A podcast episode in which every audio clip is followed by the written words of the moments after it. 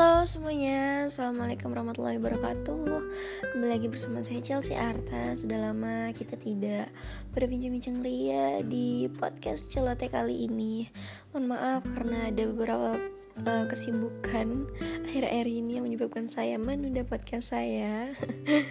Sorry, sorry, sorry. Jadi ya begitulah.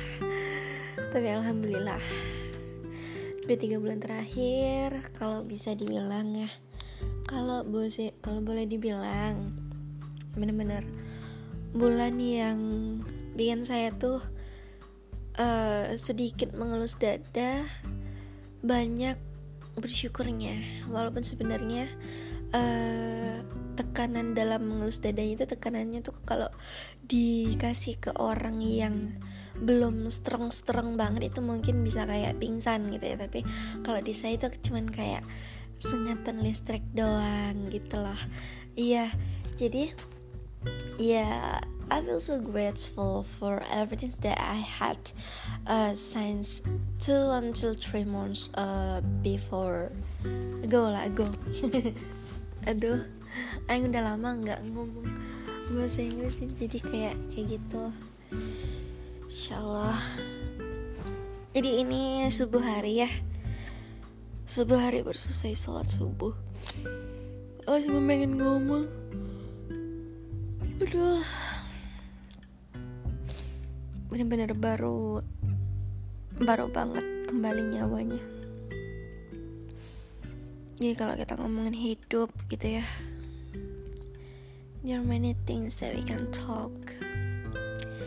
Terutama tentang pertanyaan yang mungkin paling sering banyak ditanyakan oleh banyak orang kebanyakan. Ialah gimana sih cara memperbaiki hidup? Gimana sih caranya gue memperbaiki hidup gue yang mungkin rusak? Gimana sih caranya gue memperbaiki hidup gue demi hidup yang lebih baik lagi di ke depannya di masa depan? Gitu kan? First of all kalau saya pribadi dulu saya pikir Cara yang tepat untuk memperbaiki hidup ialah dengan memperbaiki lingkungan. Dengan siapa saya berteman, dengan siapa saya bergaul, dengan siapa saya bercengkrama, dengan siapa saya berbicara. Ya, itu pertama. Dulu itu yang saya kira. Jadi saya sibuk memperbaiki relasi saya dan benar, hal itu memang benar-benar kayak ya it changed me a lot dari segi pemikiran, dari segi pendewasaan diri, dari segi pengalaman hidup, berteman dengan orang-orang yang hebat, berteman dengan orang-orang yang luar biasa, itu impactnya jauh lebih besar uh, terhadap hidup kamu sendiri. Uh, mengganti lera, mengganti relasi pertemanan itu tidak harus kita berteman dengan orang-orang yang sudah bertitel yang yang sudah jelas hebat gitu ya. Tapi di sini lebih ke kayak definisi hebat itu tidak harus orang-orang yang kaya orang-orang yang bergelar orang-orang yang mungkin apa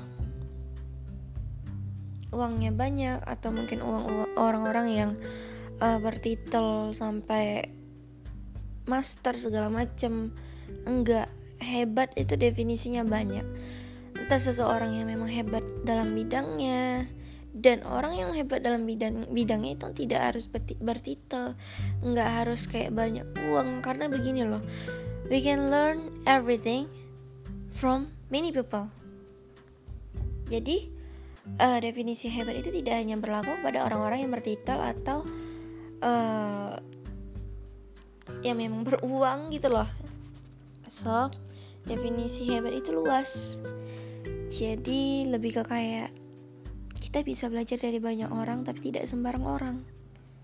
Ngerti? Dan orang-orang yang tidak sembarangan itu belum tentu orang-orang yang bertitel atau mungkin bermateri banyak. Kita tidak bisa uh, menstandarisasikan sesuatu berdasarkan nominal. Karena gimana ya? Takutnya malah jatuh menjatuh menjatuhkan standar gitu loh nah tapi bukan berarti kita harus memilih-milih teman gitu ya. Memilih teman dalam hal fisik segala macem. Dalam hal materi oh itu tidak tidak boleh seperti itu. Aduh aku masih ngantuk banget serius. Aduh ini sampai masih nguap-nguap gitu kan. Maaf deh iya. Uh, kedua aku selalu berpikir bahwa setelah aku memperbaiki relasi aku harus memperbaiki bacaanku. Maka dari itu semenjak aku mulai mencari rumah hidup tersebut aku sibuk deh tuh beli-beli buku. Dari buku aku bacaan aku dari dari komik. Komik sampai ke novel. Dari yang bacaan fantasi mulai aku berpindah ke genre yang lebih mendidik yang lebih mampu uh, meningkatkan kualitas diri. Yaitu kayak buku-buku novel yang impact ke uh, apa self improving itu lebih banyak gitu loh. Novel-novel yang mungkin genrenya lebih berat yang lebih berkualitas lah nggak sekedar fiksi segala macam tapi ada bobotnya ada pelajaran lebih untuk diambil gitu kan tapi ternyata dua rumus ini hanya berlaku beberapa tahun aja gitu loh. Kayak ya memang ada impactnya. Tapi walhasil ujung-ujungnya ya gue jenuh.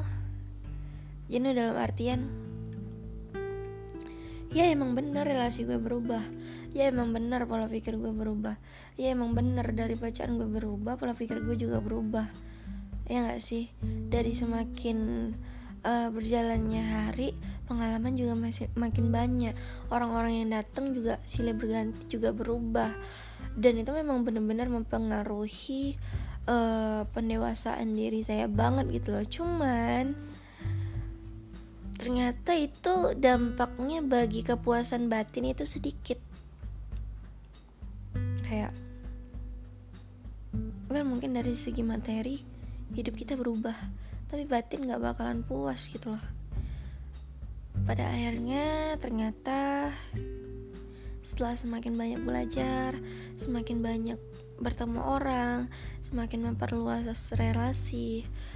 Ternyata SOP-nya itu tidak seperti itu gitu loh. SOP untuk memperbaiki hidup itu bukan dengan pertama bukan dengan uh, memperluas relasi atau memperbaiki lingkungan hidup. Kedua bukan dengan memperbaiki kualitas bacaan, melainkan pondasi pertama kalau kamu mau memperbaiki hidup kamu itu yang sebenarnya ialah dengan memperbaiki sholat. Ya kenapa saya bisa bisa bilang kayak gini? Karena ya mau gimana pun sholat itu tetap pondasi utama. Mungkin beberapa dari kalian nggak beberapa dari kalian sih ini uh, memang udah terkenal banget pepatah ini. Kalau kamu mau memperbaiki hidupmu maka perbaikilah sholatmu. Ya bener mungkin dari segi materi saya naik dari segi kehormatan derajat kedudukan mungkin lebih gimana lah ya dari dulu gitu ya. Dari dari sebelum saya berniat untuk memperbaiki hidup. Cuman cuman hal ini tuh ternyata semakin bikin diri saya jauh gitu loh. Yang di mana bukannya malah ini menjadi anugerah melainkan adalah bencana. Karena di saat kita uh, mendapatkan sesuatu dan itu justru menjadikan kita jauh dari ibadah dari Allah itu bisa kita kategorikan sebagai bencana bukan anugerah. Nah di saat sesuatu nikmat itu entah itu nikmat materi pengalaman rezeki yang kita dapat itu justru mendekatkan kita kepada Allah itu baru boleh dikatakan anugerah. Itu aku benar-benar kayak ditampar banget. Dan justru kalau seandainya aku nggak dikasih cobaan di saat aku dikasih materi itu ngerinya aku takutnya malah dibalas di akhirat. Aku takutnya istidroj gitu loh. Dan kedua pondasi kedua yang aku salah ialah aku berpikir bahwa dengan aku memperbaiki kualitas bacaan aku itu berarti aku sudah uh, bakal mendapati kualitas hidup yang lebih baik ternyata tidak SOP keduanya yang seharusnya itu ialah bukan memperbaiki kualitas bacaan melainkan memperbaiki kualitas bacaan Quran saya bukan memperbaiki kualitas bacaan saya. Karena apa? Dari awal manusia diciptakan, saya baru tahu bahwa manusia itu diciptakan untuk apa? Untuk ibadah. Dan di saat manusia hidup, mereka berpedoman kepada apa? Kepada apa? Allah Subhanahu wa taala dan Rasulullah. Kembali kepada Rasul, kembali kepada Quran. berpedoman kepada Rasul, berpedoman kepada Quran. Bukan berpedoman kepada relasi yang hebat yang baru, bukan berpedoman kepada bacaan yang semakin meningkat kualitasnya melainkan kembali kepada ilah dan kembali berpedoman kepada Rasul dan Quran. Kembali berpedoman kepada Rasulullah dan kalamullah. Kalamullah itu adalah perkataan Allah yaitu Quran. Jadi ya begitulah cara Allah mengajarkan manusianya kadang kadang kita tuh kudu ditampar pakai nikmat dulu baru kita sadar kayak ah lu kira lu dapat nikmat ah lu kira gue sayang sama lu dengan nikmat-nikmat yang gue beri. Tapi ternyata apa? Sebenarnya ini tuh cuman tipe muslihat gitu loh. Biar lo makin jauh dari gue. Biar kayak gue tuh pengen lihat gitu loh lo semakin dikasih nikmat lo makin jauh pas semakin deket. Dan di sini kita tuh nggak tahu gitu kayak nggak tahu rumusnya nggak tahu SOP-nya nggak tahu kata kuncinya. Oh ternyata yang namanya nikmat itu belum tentu anugerah gitu loh. Tapi nikmat itu uh, tapi anugerah itu justru kepada nikmat rezeki materi yang semakin kita dapat nikmat itu semakin mendekatkan diri kita kepada Allah. Itu yang namanya anugerah. Tapi kalau nikmat materi dan segala halnya itu semakin membuat kita jauh itu jatuhnya malah musibah ya bukan anugerah malapetaka jadi kayak kudu hati-hati gitu loh karena untuk apa kita punya nikmat lebih kalau ternyata nikmat itu justru semakin bikin kita jauh kepada yang memberi nikmat.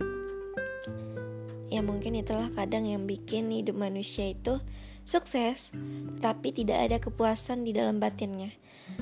Ya, mungkin inilah sebab kenapa kita tuh kayak ya kita sukses kita punya banyak uang tapi dari sisi batin kita nggak puas dari sisi finansial mungkin kita bertambah terus tetapi rasa bersyukur kita semakin berkurang terus dari apa ya dari sisi materi mungkin kita bertambah terus, relasi kita mungkin semakin meluas, tetapi masalah kita datang terus. Terus penyakit kita juga semakin datang. Oh, mungkin ini bukan anugerah melainkan musibah. Iya mungkin itu yang kudu kita tampar di diri masing-masing. Apa yang salah sama diri kita? Kembali lagi. 479 surah Anisa surah 79 segala kebaikan datangnya dari Allah segala keburukan datangnya dari diri kamu sendiri. Maka kalau hari ini kita dapat kesuksesan tetapi kita juga dapat hal-hal yang buruk yang semakin menjauhkan kita dari Allah maka boleh jadi salahnya dari diri kita sendiri. Apa gitu loh? Oh boleh jadi kita SOP-nya salah kita sibuk memperbaiki relasi, sibuk memperbaiki bacaan, tapi kita lupa hal pertama, pedoman pertama yang kudu kita benerin itu ialah eh, pondasi uh, kita, pondasi ibadah kita, relasi kita ke Tuhan, bukan ke manusia gitu loh. Nah, yang kedua bukan sibuk memperbaiki bacaan atau kualitas bacaan kita melainkan kita tuh harusnya sibuk memperbaiki kualitas bacaan Quran kita. Karena semakin kita memperbaiki kualitas bacaan Quran kita semakin kita tekun gitu balik lagi ke ke Quran gitu ya ke pedoman yang seharusnya. Itu insya Allah Allah itu juga bakalan memperbaiki hidup kita sesuai dengan janjinya. Sesuai dengan janjinya di saat kita memperbaiki bacaan Quran kita, maka Allah juga memperbaiki hidup kita. Di saat kita kembali ke Quran, di saat kita kembali kepada sesuatu yang benar-benar mulia, maka kita akan mulia dan dimuliakan. Entah itu dalam urusan pekerjaan, kehidupan, derajat, pasti. Dan itu kalau kita benar benar-benar memperbaiki uh, hidup kita nggak hanya dari hal-hal yang mungkin bisa manusia nilai dengan nominal.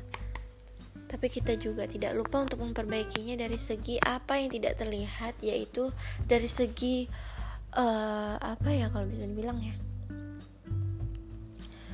Dari segi sesuatu yang tak kasat mata yaitu hubungan batin lah ya antara kita sama Tuhan Nah itu tuh nikmatnya mungkin bakal lebih double lagi. Di saat lo dapat dapat nikmat lo nggak bakalan lupa sama yang ngasih nikmat gitu loh.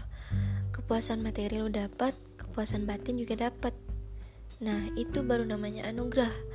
Tapi kalau sebaliknya dapat materi tapi kepuasan batin nggak dapat dan semakin bikin lo menjauh kepada yang ngasih materi nah itu hati-hati. Boleh jadi itu adalah musibah. So mungkin aja sih. Podcast yang pengen gue ucahin hari ini. Berhubung juga ini udah jam 6 pagi saya juga harus kembali istirahat. Senang bisa kembali berbincang lagi uh, bersama kalian. So that's all for today. I'm Chelsea Arta jazakumullah khair. Assalamualaikum warahmatullahi wabarakatuh. Bye matane